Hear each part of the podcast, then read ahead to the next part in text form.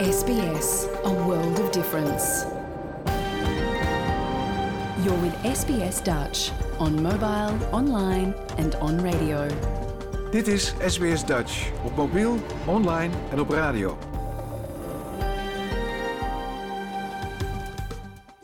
Graag erkennen wij de traditionele eigenaren en verzorgers van het land van waar we vandaag SBS Dutch uitzenden en uiten we ons respect aan de Camaragal mensen van de Kurungay Nation en hun ouderlingen uit het heden en het verleden.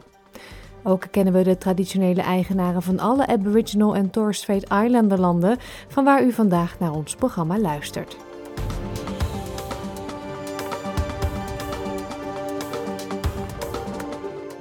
Goedemorgen, mijn naam is Paulien Roesink. Het is zaterdag 19 augustus 2023 en dit is SBS Dutch, het Nederlandstalige radioprogramma van SBS. In het komende uur praten we u bij over het erfrecht in Australië. Joyce Diebels legt in een nieuwe aflevering van Leer Nederlands het verschil uit tussen houden van en leuk vinden. Leesconsulente Larissa de Ru heeft twee heel spannende kinderboeken uitgekozen om te bespreken. Allebei van schrijver Rob Ruggenberg. En natuurlijk hebben we ook het willekeurige weekoverzicht met nieuws en achtergronden uit Nederland. Dat en muziek allemaal straks, maar eerst nieuws over de koala. Ze zijn schattig, knuffelig en een symbool van de Australische cultuur. Maar ze worden met uitsterven bedreigd. Uit een onderzoek gedaan in 2020 blijkt dat koala's tegen 2050 niet meer voor zullen komen in New South Wales, tenzij er dringend actie wordt ondernomen. Het eens zo florerende buideldier werd afgelopen jaren geteisterd door verlies van leefgebied, ziekte en klimaatgerelateerde gebeurtenissen. September is Save the Koala maand. In aanloop daarvan roepen vooraanstaande natuurbeschermingsgroepen op tot onmiddellijke overheidsmaatregelen om het bijzondere soort te beschermen. Dr. Stuart Blanche, een natuurbeschermingswetenschapper bij het Wereld Natuurfonds, zegt dat de situatie nijpend is. The number of koalas in Queensland and New South Wales halved between the years 2000 and 2020. That's a big, big decline, 50% over just 20 years. That, that's why those koalas are now listed as endangered under federal environmental law. In South Australia and Victoria, uh, the, the, the story is a bit different. In some areas, there are a lot of koalas and the numbers are building up, particularly in plantations, but also in some national parks. De Australian Koala Foundation zegt dat er momenteel minder dan 60.000 koala's in het wild leven. Dr. Blanche zegt dat dat er drastisch minder zijn dan vroeger. En daar zijn verschillende redenen voor. Nobody really knows how many koalas were around at the time of the British settlement and invasion, but there's one book that estimates maybe 10 million. Whatever it is, it was many millions. Then between the 1860s and 1930s, at least 8 million koalas were shot. So we lost millions and millions and millions of koalas a long time ago. And then after the Second World War, you know, koala populations started to recover a bit after the end of the, the, the pelt trade. Uh, the era of major land clearing and logging started. So koalas numbers did not get time to bounce back, particularly in Queensland and New South Wales. Dr. Blanche zegt dat de effecten van klimaatverandering de afgelopen 20 jaar een verdere impact hebben gehad op koala's in het hele landschap, zelfs in nationale parken waar ze goed beschermd zijn. Koala's zijn een belangrijk onderdeel van de Australische bush, waar ze hoog in de takken van grombomen zitten en tot 20 uur per dag slapen. Deborah Tabbert, voorzitter van de Australian Koala Foundation, zegt dat het bekende eucalyptusdieet een probleem is, maar wel op een andere manier dan veel mensen denken. Everyone says they're fussy, um, but in fact they have about 750 eucalypt species to choose from, and in various parts of the country they eat about 10 um, as part of their healthy diet. So part of the problems in Victoria is that the habitats have been cut down so badly that sometimes the poor things are just eating one species. Imagine us just eating potatoes for the rest of our lives. So you, koalas need a well-rounded diet, and um, a lot of the really primary trees that they eat are often used for housing, fence posts, firewood. Koala's hebben ook een grote culturele betekenis voor First Nations gemeenschappen en komen voor in Dreamtime verhalen, liedjes en rotstekeningen.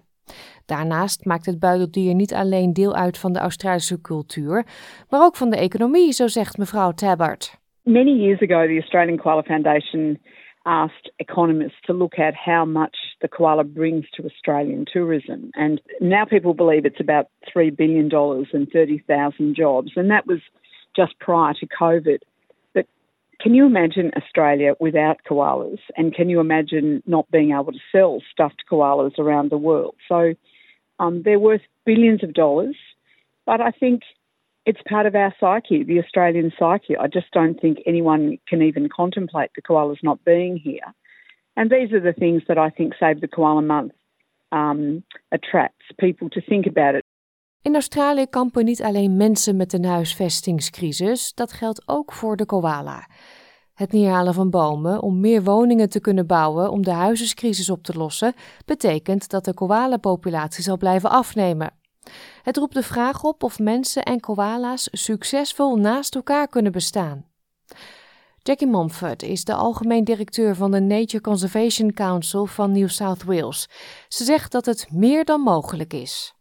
It's not a matter of environment versus housing. Um, I think when it comes to housing development, uh, there's sort of two two parts to that story. One is where the housing goes, and the other is what we use to build it. in terms of where housing goes, as I said, so much of the state is already degraded. Uh, it's not necessary to continue cutting down, you know, ecologically important areas to keep cutting down the bush to build homes when um, there's already so much of so much of the landscape um, that's been degraded. Ending native forest logging will not have any impact on timber supply for housing um, and building materials. Mevrouw Mumford roept op tot dringende regeringsmaatregelen, waaronder een onmiddellijk einde aan de kap van inheemse bossen. It's hard to believe that an, a species as iconic as the koala is being allowed to head towards extinction. It's an international embarrassment that the government in Australia is allowing a species as iconic as the koala to head towards extinction, but that is the reality. We're continuing to cut down their homes we are continuing to drive habitat destruction, which is what is really pushing koalas to the brink. That's the reality of the situation that we are in at the moment. And I would really encourage uh, everyone to get in touch with your local members at a state and federal level uh, and push them to do better to protect koala habitat. Dit verhaal werd gemaakt door Kira Heen voor SBS Nieuws en door SBS Dutch vertaald in het Nederlands. Ander nieuws dan. De catastrofale bosbranden in Noord-Amerika, Europa en China zijn een huiveringwekkende herinnering aan de zwarte zomer van 2019-2020 hier in Australië. Komende zomer wordt ook hier weer een gevaarlijke bosbrandseizoen verwacht en daarom waarschuwen medische experts voor de gevaren van rook.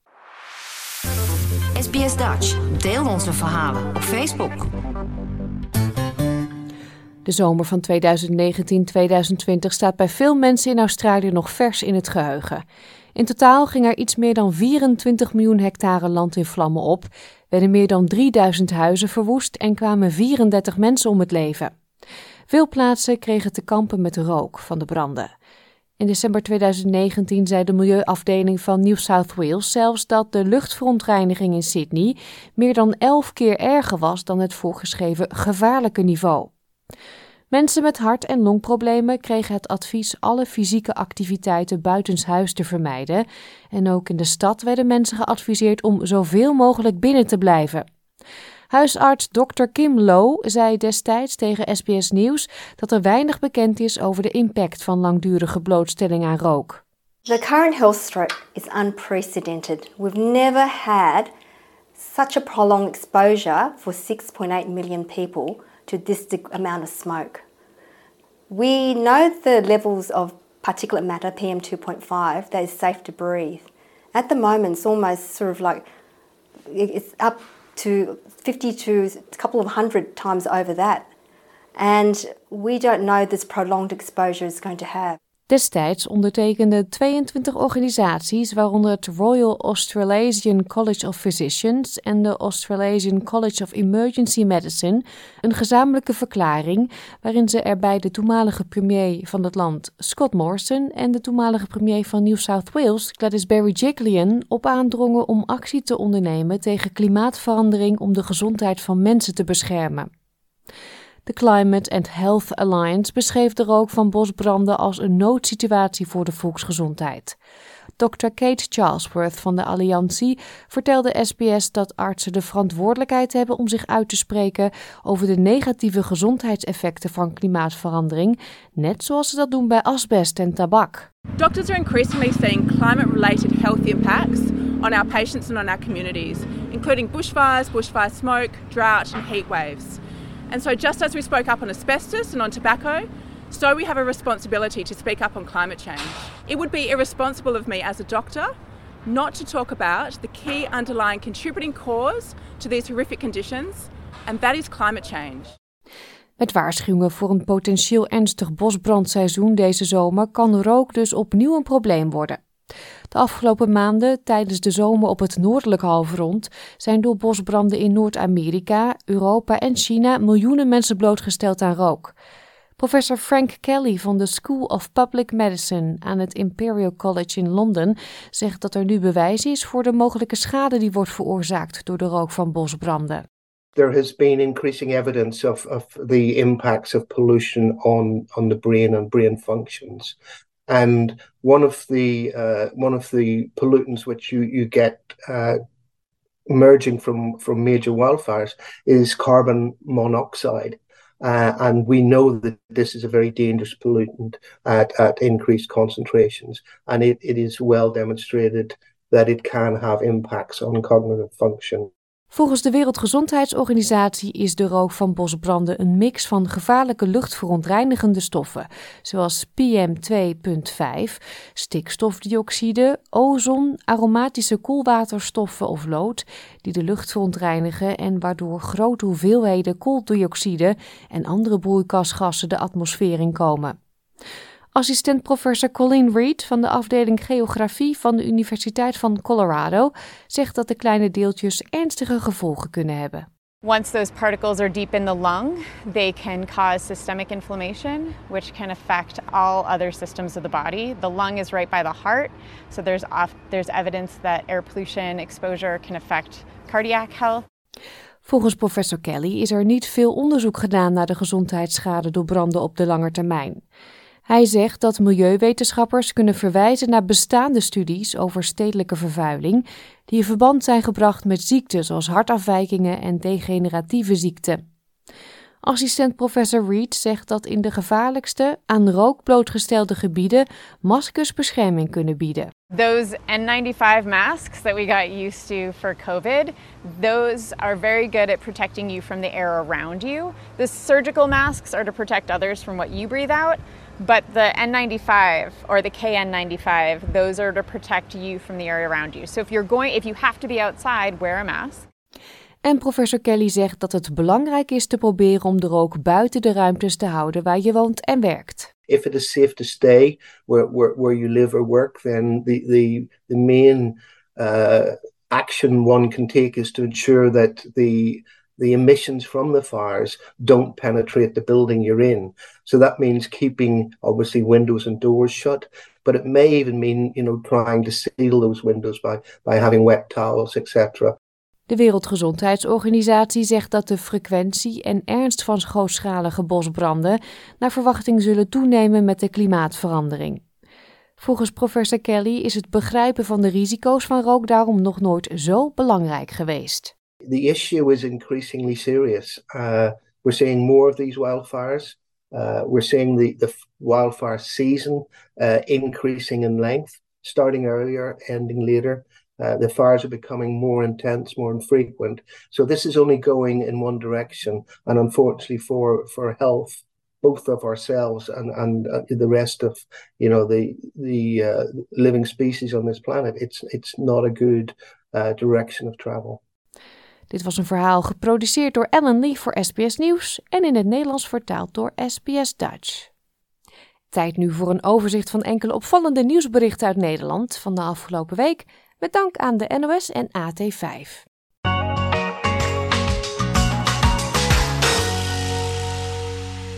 Na de uitschakeling op het WK voetbal vorige week kwam een deel van de Oranje Vrouwen deze week aan op Schiphol. Vrienden en familie, vooral van de afzwaaiende Stefanie van der Gracht, verzamelden zich om de speelsters op te vangen. De verslaggever van de NOS vroeg aan het nichtje van Van der Gracht wat ze ging zeggen tegen haar tante. Hallo, tante Stephanie. En dan gaan we er dood knuffelen. Uiteraard sprak de NOS ook met enkele speelsters. U hoort als eerste Merel van Dongen en daarna Stefanie van der Gracht. Het is gewoon alsof je zeg maar, in een bubbel bent. Je bent zeven weken met elkaar op. Het hadden er acht moeten zijn. En, en je weet gewoon, als dat vliegtuig straks landt, dan is het klaar. En dan zegt iedereen, ga zo meteen naar huis. Naar hun eigen huis. Terwijl je had het liefst morgenochtend wakker geworden en had voorbereid op de wedstrijd tegen Zweden, weet je wel. En, uh, en dat is gewoon niet zo. Dus dat is gewoon even uh, vervelend. op zijn minst, ja.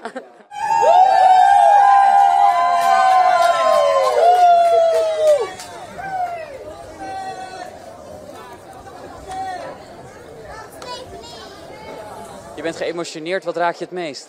Nou, dat mijn familie en vrienden hier zijn. Ja, die heb ik gemist. Wat voor toernooi is dit geweest voor je? Uh, ja, eigenlijk wel een beetje een rollercoaster. Helemaal de laatste wedstrijd natuurlijk. Uh, maar uiteindelijk uh, denk ik dat ik, uh, dat ik trots mag zijn. Bewoners van de woonboten langs het Zijkanaal 1 in Amsterdam-Noord zijn op zijn zacht gezegd niet blij. Al jaren klagen ze over diesel en olie die het kanaal instroomt, iets wat een groot effect heeft op hun gezondheid. Wij wonen hier nu 17 jaar. We hebben vanaf het begin al last van uh, uh, zwavellucht en uh, diesel wat in het kanaal stroomt. Ik slaap met ramen open. Nou, dan is het soms zo erg, zeker de afgelopen periode, dat ik gewoon wakker word van de penetrante lucht. En het slaat meteen op mijn keel. Ik krijg er hoofdpijn van en ik word er misselijk van. Het is echt ontzettend vieze troep. Het is een, een overstot van het hemelwater. En we zitten hier verder met een busremise en nog wat kleinere bedrijfjes. Ja, en waarschijnlijk komt al dat vuil ook gewoon in uh, die leiding. En als het dan heel erg gaat regenen, ja, dan krijg je gewoon dat er te veel water komt. En dat moet dan ergens naartoe. En dat wordt dan hier naartoe gepompt. Het CDA heeft een nieuwe partijleider. Henry Bontebal neemt het stokje over van Wopke Hoekstra en zal tijdens de verkiezingen in november ook lijsttrekker zijn. Hij werd deze week gepresenteerd. Afgelopen week is het politieke landschap flink opgeschud en bekende namen hebben het politieke veld ook verlaten. En dat zegt ook iets over de politieke cultuur, denk ik. Maar het biedt ook een kans. Een kans om de campagne te gebruiken om te laten zien dat het ook echt anders kan en anders moet. Want Nederland is klaar met cynisme, de zwartmakerij en ander Haags gedoe. En dit moet een campagne worden wat mij betreft zonder geschreeuw en zonder gescheld. Een campagne op basis van inhoud. Mijn CDA is een wijpartij. Er was vooraf veel gedoe over de Indie-herdenking op de Dam. Burgemeester van Amsterdam Femke Halsma zegde af omdat Palmira Westerling, de dochter van omstreden kneelkapitein Raymond Westerling, door de organisatie was uitgenodigd om een toespraak te houden. Zij wil eerherstel voor haar vader, die tijdens de onafhankelijkheidsoorlog leiding gaf aan vredeacties tegen de lokale bevolking. In haar toespraak reageerde ze op de ophef die was ontstaan over haar optreden. Zoals u weet stond de afgelopen week helaas door toedoen van de mainstream media, inmiddels het verlengstuk van de regering te noemen, in het teken van negatieve framing van mijn vader en de continu eenzijdige belichting van de Indische kwestie. Feiten worden wederom uit de historische context getrokken en met de geest van de tijd van nu beoordeeld, of beter gezegd veroordeeld, met als consequentie dat een breed scala aan personen, groepen en hun pijn geen aandacht meer krijgen of gehoord worden. Nieuws nu waar echt niemand op zit te wachten. Pepernoten worden namelijk dit jaar fors duurder. Volgens de fabrikanten komt dat vooral door de sterk gestegen grondstofprijzen. U hoort Oscar de Lange van Van Delft Pepernoten. Pepernoten is een, is een gezellig nootje. Door de extreem gestegen grondstofprijzen, dat zijn tarwe, eh, plantaardige oliën en suiker. Suiker is, is meer dan verdubbeld, maar ook tarwe is meer dan verdubbeld. En dan hebben we nog niet eens over chocolade. Ja, wij denken wel dat de kilogramprijs van een chocoladekruidnoot uh, mogelijkwijs over de 5 euro heen moet en gaat. Uh, dat, is, ja, dat is misschien een probleem, weet ik niet. Mensen kopen doorgaans twee keer drie keer per jaar een, een kilogram chocoladekruidnoot voor het huishouden. Ja, men wil dat toch hebben. wij, wij gaan er niks meer aan verdienen. Het zijn de grondstoffen die het doen. Tot zover dit willekeurige weekoverzicht van deze week. Dit keer met dank aan de NOS en AT5.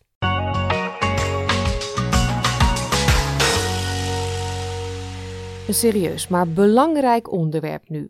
In tegenstelling tot sommige andere landen betalen Australiërs geen successierechten op bezittingen die ze erven. Toch gelden er ook in Australië strikte erfrechtwetten en met meer dan 50% van de Australiërs die overlijden zonder een testament komen de rechtbanken vaak tussen beiden.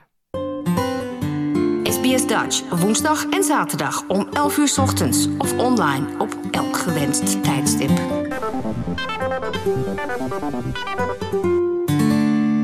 Wanneer iemand overlijdt, kunnen bezittingen die achterblijven worden doorgegeven aan familie of vrienden.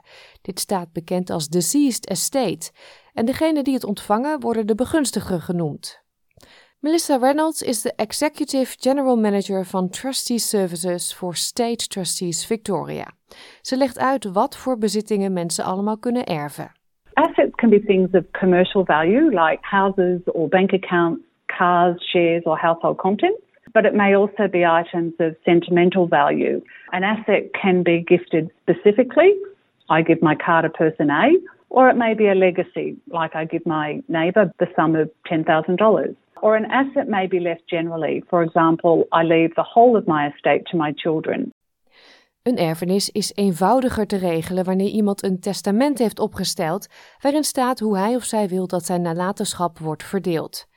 In het testament wordt een rechtspersoon aangesteld, bekend als de executeur, om op te treden als beheerder van de nalatenschap. De verantwoordelijkheid van de executeur is om de wensen van de overledene uit te voeren en ervoor te zorgen dat aan alle verplichtingen wordt voldaan. Een executeur kan ook erfgenaam zijn.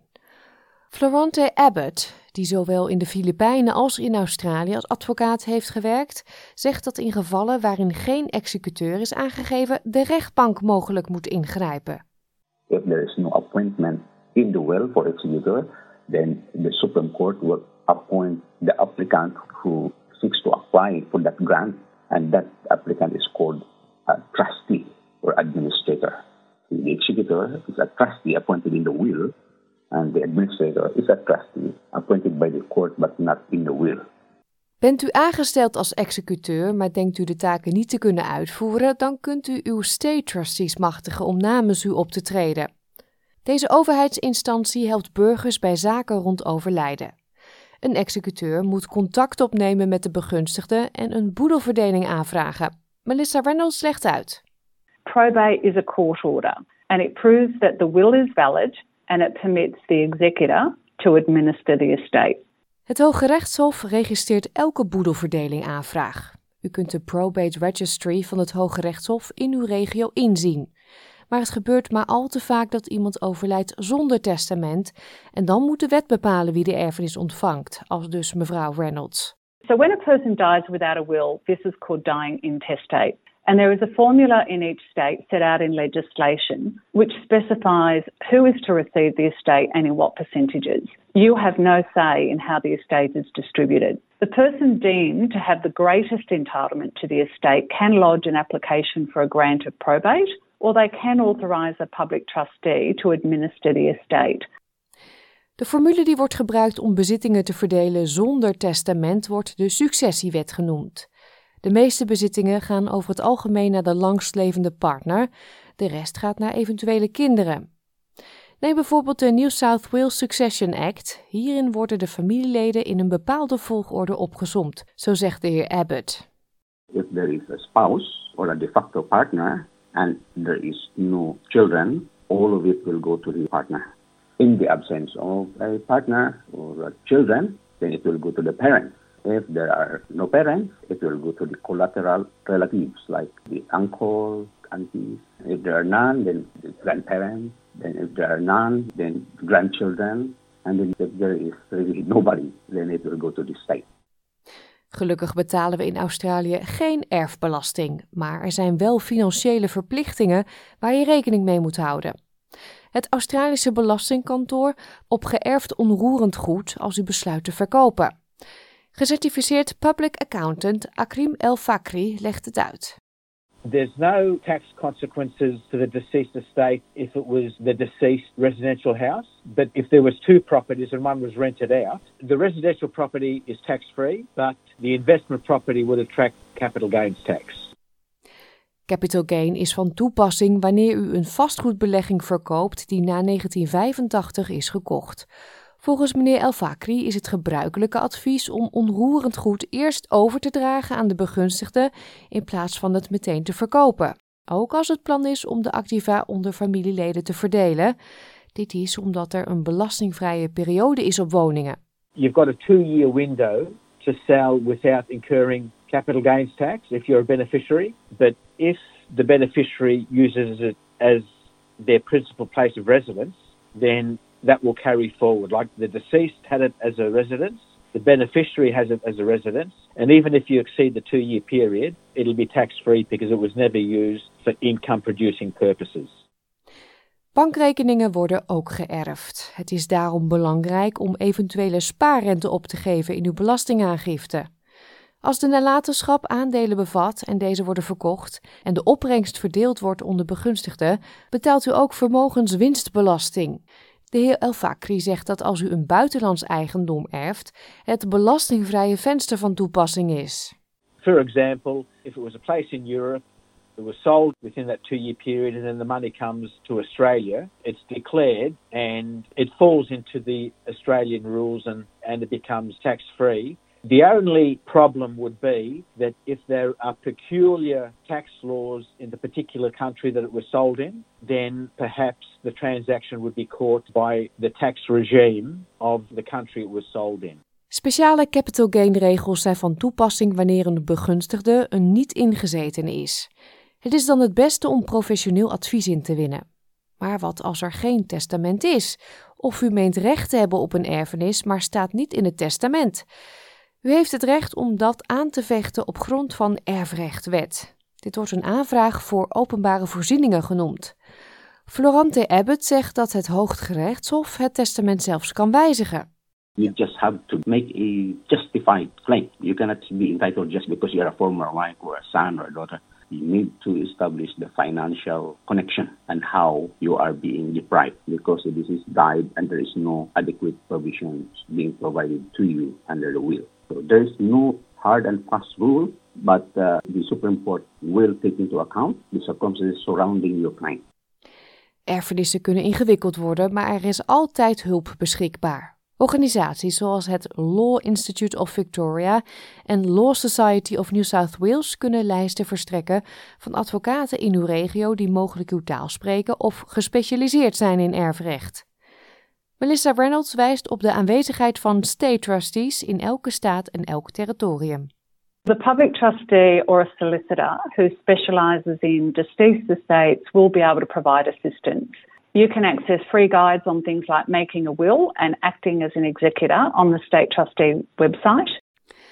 Ging het u allemaal wat te snel en dat kan ik me heel goed voorstellen? Ga dan naar onze website www.sbs.com.au/dutch om alle informatie nog eens terug te luisteren. Gaan we verder met muziek van J.W. Roy en Dickie Dex. Dit is Treur niet, Ode aan het leven. Haaien-eiland en Het Verraad van Waterdune zijn twee kinderboeken geschreven door Rob Ruggenberg. Leesconsulente Larissa de Ru vertelt waarom deze boeken oudere kinderen van 10 jaar en ouder zo aanspreekt. Jouw gemeenschap, jouw gesprek, SBS Dutch. Vorige maand hebben we Loes Riphagen in het zonnetje gezet. Zij schrijft boeken voor de wat jongere kinderen. Eh, dit keer heb je gekozen voor iemand die boeken schrijft voor wat stoerdere, oudere kinderen. Ja, we maken een, eh, een sprong naar de andere kant. Ik dacht, ja, het is zo leuk om weer even echt een schrijver eruit te pikken. En uh, ja, een van mijn lievelingsschrijfsters, maaksters voor de jongeren. En nu dan ja, voor dat oudere kind. Ja, zou ik eerst maar vertellen dat het over Rob Ruggenberg gaat. Schrijver van uh, historische romans. En echt voor. Nou, een van zijn boeken die ik meegenomen heb, is voor wel 10 tot 12. Uh, en de andere die hij geschreven heeft, is echt 12 plus. Maar voorlezen kan natuurlijk al wel uh, eerder. Maar wees je ervan bewust dat als je hem uh, voorleest, dat uh, ja, er niet veel geschuwd wordt Het zijn tamelijk ruwe, duidelijke verhalen. En dat is wat heel veel jongens wel ontzettend aanspreekt. Ja, ik zeg specifiek jongens, want dat is gewoon wel wat ik heel veel zie op scholen en ook in de bibliotheek. Dat ik hier jongens wel weer enthousiast mee krijg voor het lezen. Maar de naam Rob Ruggenberg zegt mij niet heel veel. Nee, Rob Ruggenberg is helaas overleden in 2019. Hij was ziek en uh, ja, overleed toen. Hij is geboren in 1946, begonnen grappig genoeg als radiotelegrafist bij de marine. Hij heeft dus ook veel gereisd en daarin wel echt de passie voor uh, de Nederlandse geschiedenis. En dan met name de Nederlandse geschiedenis op verschillende plekken op de wereld. Uh, ja, die passie is toen ontstaan. Hij heeft ook nog lang als um, journalist gewerkt voor verschillende dagbladen. En is daarnaast begonnen met uh, jeugdromans schrijven. En op een gegeven moment in 2006 is hij echt voltijd overgegaan tot schrijver worden. En wat hij eigenlijk altijd doet als hij een boek schreef, was beginnen vanuit een historisch document. Een scheepsjournaal, een stukje geschiedenis wat hij heel interessant vond of wat een hele grote rol heeft gespeeld in de Nederlandse geschiedenis. En hij ging dan ook echt heel veel onderzoek doen, heel veel historische stukken lezen of ook echt naar de plek toe waar het verhaal zich dan uiteindelijk afspeelt. Dus heel veel informatie vergaren en dan begon het proces van het schrijven. En dat zijn dan wel echt fictieve verhalen. Dus hij uh, voedde zich met heel veel echte documenten. En dan kwam het verhaal. Maar die waarheid zit dus wel een beetje door zijn verhalen verweven. Ja, en sommige boeken zitten ook echt dan nog stukken van een scheepsjournaal. Dus het, het echte historisch document komt dan bijvoorbeeld aan het begin van het hoofdstuk. Lees je daar weer een stukje uit of helemaal aan het begin of aan het eind van het verhaal kun je het dan ook weer terugvinden. Ja, ja. En uh, ja, in Nederland is dat vaak hoe ik die, zeg maar, een beetje, ik vind lezen niet meer leuk, lezers erin haal. Uh, ik raad het dan vaak aan voor uh, boekverslagen. En de website van Rob Ruggenberg heeft gewoon heel veel informatie die je kan verwerken in je werkstuk. Dus dat uh, is dan vaak een hele mooie manier om ze over te halen. Maar waarom ik het voor nu heb uitgekozen is omdat ik ze dan toch vaak na een week of zes weer terugzie. En in de schoolbibliotheek al wat sneller van, oh, ik wil er nog wel zo'n één lezen. Want dit vond ik wel cool. Hmm, nou, dan is jouw doel bereikt natuurlijk. Ja, zeker. Ik word dan altijd heel blij, want dan denk ik yes. Want het zijn ook best wel pittige boeken. Het zijn niet de boeken met heel veel tekeningen. En de verhaallijnen spelen ook best wel door elkaar met meerdere karakters. Uh, dus ja, ik vind dat gaaf als iemand daar enthousiast van wordt. Ja, want dat doen kinderen toch. Kijken hoe groot zijn de letters en er staan de plaatjes in. Daarop wordt het dan beoordeeld ja of nee. Ja. Um, dus die man die heeft wel iets goed gedaan met zijn boeken. Als die jongens die in eerste instantie bij elkaar komen, huh, dan toch enthousiast zijn uiteindelijk. Ja, ja. Nou ja, hij heeft er dus acht geschreven. Dus ik dacht, ja, welke ga ik dan uitkiezen? En ik dacht, ik doe er eentje die echt meer in Nederland speelt. En dat is ook het boek wat voor de jongste lezers geschikt is. Dat heet Het Verraad van Waterdunen. En dat speelt dus tijdens de 80-jarige oorlog. Uh, de opstand tegen de Spanjaarden. Ik ga een klein stukje van de achterkant voorlezen. Uh, het is 1572 en de opstand tegen de Spaanse koning groeit. Overal in het land zijn Spaanse soldaten. Dorpen worden verbrand, Mensen komen op de brandstapel en kinderen verliezen hun ouders. Robbe bijvoorbeeld, die door een familielid als slaafje wordt verkocht aan Spaanse soldaten. Zijn leven verandert opeens in een hel. Ja, dat is een onderdeel wat niet veel mensen weten, dat er dus ook veel kinderen tot slaaf gemaakt werden in die tijd. En hij is dus ook, want het speelt dus op de waterdune, een eiland en hij heeft dus bijvoorbeeld ook echt met kinderen nog onderzoek gedaan naar, hey, heeft dat eiland echt bestaan, compleet met duiksessies. En daar kun je dus ook nog heel veel over lezen. Dus ja, als je helemaal in het verhaal zit en nog niet de wereld uit wil, dan zijn er dus ook nog dingen om daarna te lezen of misschien ervoor. Ja, dat, uh, het klinkt als een spannend boek. Ja, Je, bedoel, je zei al, want het wordt best wel wat omschreven. Uh, misschien is dat uh, duidelijker bij het volgende verhaal. Heb je daar een voorbeeld? Een ander boek nog? Ja, um, nou het volgende boek heet dus ook al meteen Haaieneiland. Ja, daar gaan we al. Ja, deze is ook echt bekroond met de Thea Beckman prijs. Dat is ook het eerste boek wat ik ooit van deze schrijver gelezen heb. Uh, toen was ik bezig uh, met een opleiding voor jeugdliteratuurspecialist. Uh, ja, en dan moesten wij het ook helemaal analyseren. Um, maar daar komt dus inderdaad een stukje in voor, wat dus heel erg met die haaien te maken heeft.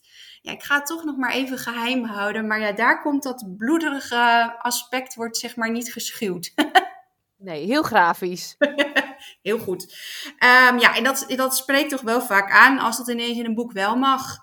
Haaieneiland speelt dus uh, in 1722. En het gaat dus over een matroos, Roemer. En uh, die zit op een van drie schepen die op een ontdekkingsreis zijn in de Stille Zuidzee. Ja, en ze varen daar dus al maanden rond. En het leven aan boord wordt daar natuurlijk niet beter op. Dat wordt zwaarder en zwaarder.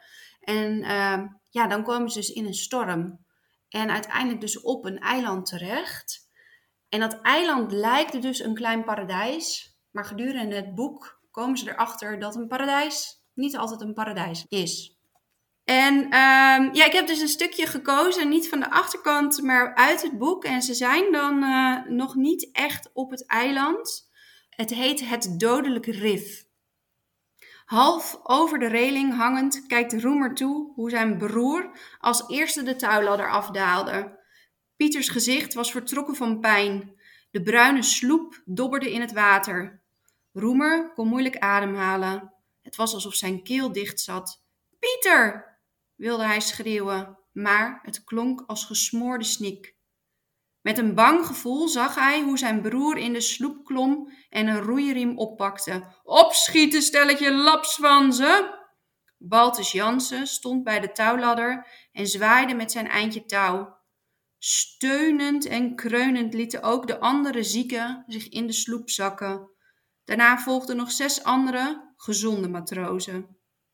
Pieter keek omhoog en riep iets naar Roemer. Maar het lawaai van de golven en het geroep om hem heen, daardoor waren zijn woorden niet te verstaan.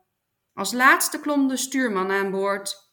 Er was nauwelijks plaats voor hem. De sloep lag zo vol met zware ankers en touwen dat hij er bovenop moest gaan zitten en zich voorover moest buigen om de helmstok te kunnen pakken. Het vaartuig stak diep in het water. Af en toe sloeg er zelfs een golfje over. Kwartiermeester Jansen ging niet mee. Hij ging een uurtje slapen, kondigde hij aan, terwijl hij de overgebleven mannen aan dek aankeek. Dat moeten jullie ook doen. We hebben een zware nacht gehad en wie weet wat ons nog te wachten staat. Oeh. Ja, je hoort ook wel in het voorleesstuk dat er dus echt ook wel heel veel woorden in voorkomen die heel specifiek in die situatie uh, horen. Zoals kwartiermeester en de, de riemen. Uh, dus dat is wel grappig. Daar moet je misschien ook wel uh, ja, rekening mee houden. Dat er van die woorden voorbij kunnen komen die je dan, ja, zoals wij altijd doen. Mama, wil je het even opzoeken? Plaatje erbij, even googlen. Ja, ken ik. Ja, en dat is vanuit mij gezien dan altijd wel een hele goede. En dat gaat dan weer over die woordenschatuitbreiding en ja, laagfrequente woorden, zoals dat dan zo mooi heet. Die dan in het verhaal ineens gewoon veel meer context krijgen, waardoor het veel ja, veel meer nut heeft om ze te leren kennen. Uh, maar ook veel beter, omdat het in die wereld ineens past, blijft hangen. Ja. Klinkt inderdaad als een echte jongensboeken. Ja. Ik sluit hiermee niemand uit natuurlijk. Ik zeg ook altijd, weet je wel, er zijn ook meisjes die deze boeken geweldig vinden. Maar ja, het, het feit is gewoon dat het jongens gewoon ontzettend aanspreekt. Dat die er heel blij van worden dat het niet allemaal heel zoetsappig is. Maar er gewoon vol voor gaat. Ja, dus uh, vanaf tien jaar, en deze dus eigenlijk, hè, die haaien, die, nog ietsjes ouder, hè? Ja, absoluut. En ja, als je het gaat voorlezen, kun je natuurlijk zelf uh, ook nog inschatten of het ook al voor, uh, voor wat jonger is. Maar zelf lezen, ja, hou er wel rekening mee. Ja, ja we willen natuurlijk niet dat de kinderen er niet van kunnen slapen als ze onze boeken lezen die jij tipt. Dankjewel, Larissa. Graag gedaan. Meer in de boekentips van onze leesconsulente Larissa vindt u online op www.sbs.com.au Dutch. Ja, We hebben een nieuwe miniles Nederlands voor u van Joyce Dibbels uit Melbourne. Iedere week geeft ze in het Engels uitleg over Nederlandse woorden en grammatica. Zo gebruik je in het Engels het werkwoord to love voor heel veel verschillende dingen. Maar in het Nederlands hebben we andere woorden om aan te geven dat je iets heel leuk of lekker vindt.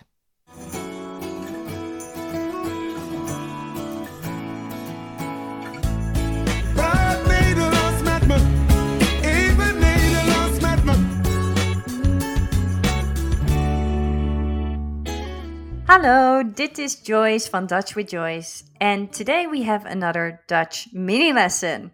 And this is a fun one because today we are talking about what we like. Always good to know. And so in Dutch, there are a couple of different ways. We also make the differentiation between what we like and what we love. So, definitely, if we say what we love, we truly mean it and love it because we are very direct. So let's start with what we love. Love, and even to say I love you, is ik hou van. And we need to use both words, houden van, to say love. So please note that that has two words to say love. If you just say houd, you say hold. I hold. So that is something completely different. Literally, we actually say that we hold of something, that we have so much love for something that we want to hold it, keep it close to us.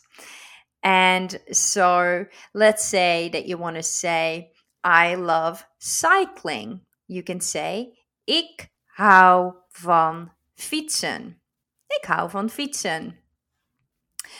And if you want to say, I love to drink coffee. Ik hou van koffie drinken. So these are some few options.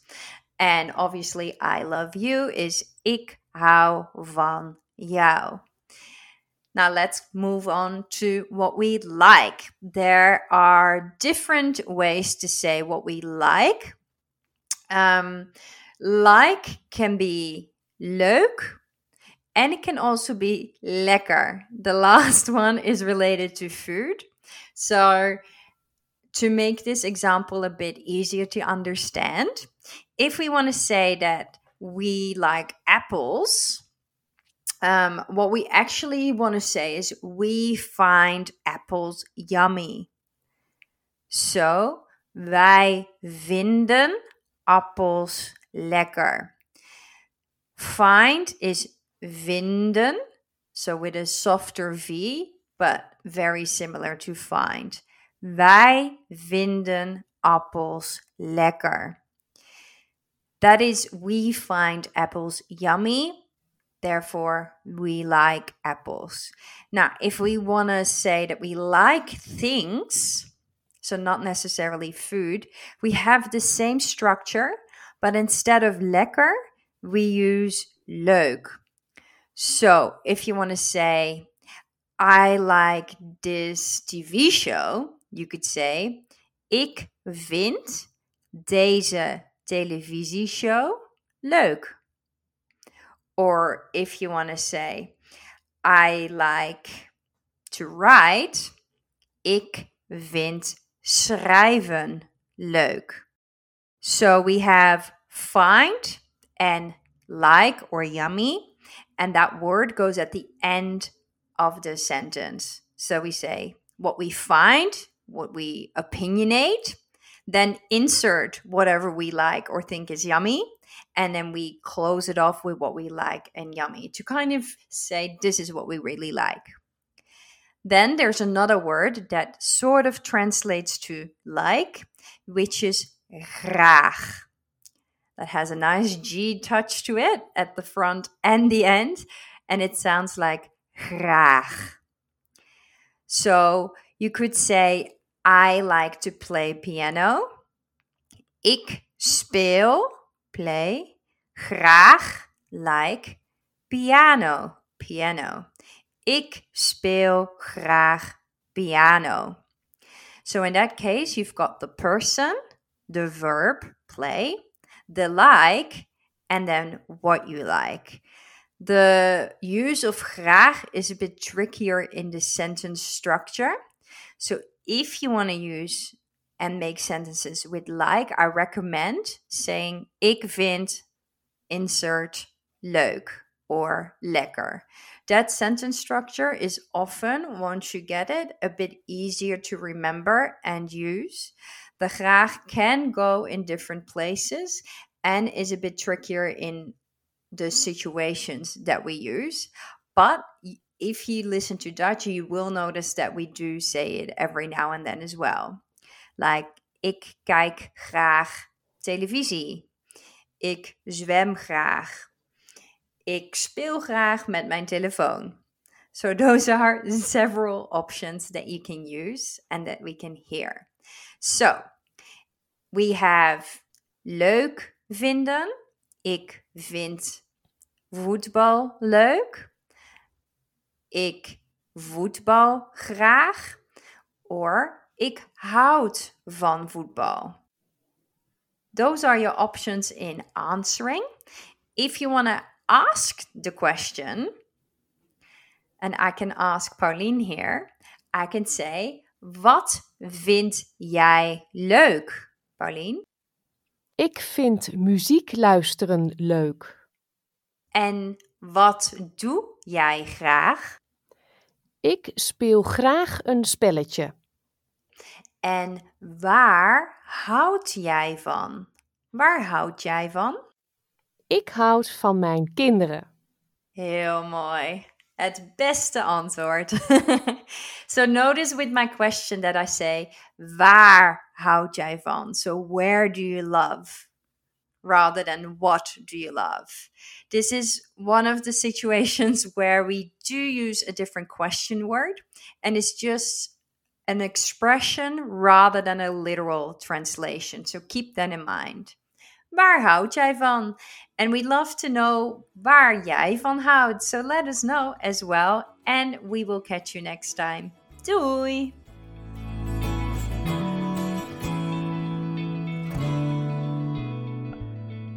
Op onze website www.sbs.com.au/dutch staan alle voorbeeldwoorden en zinnen uit deze les. En u vindt hier ook alle eerdere afleveringen van de serie Leer Nederlands.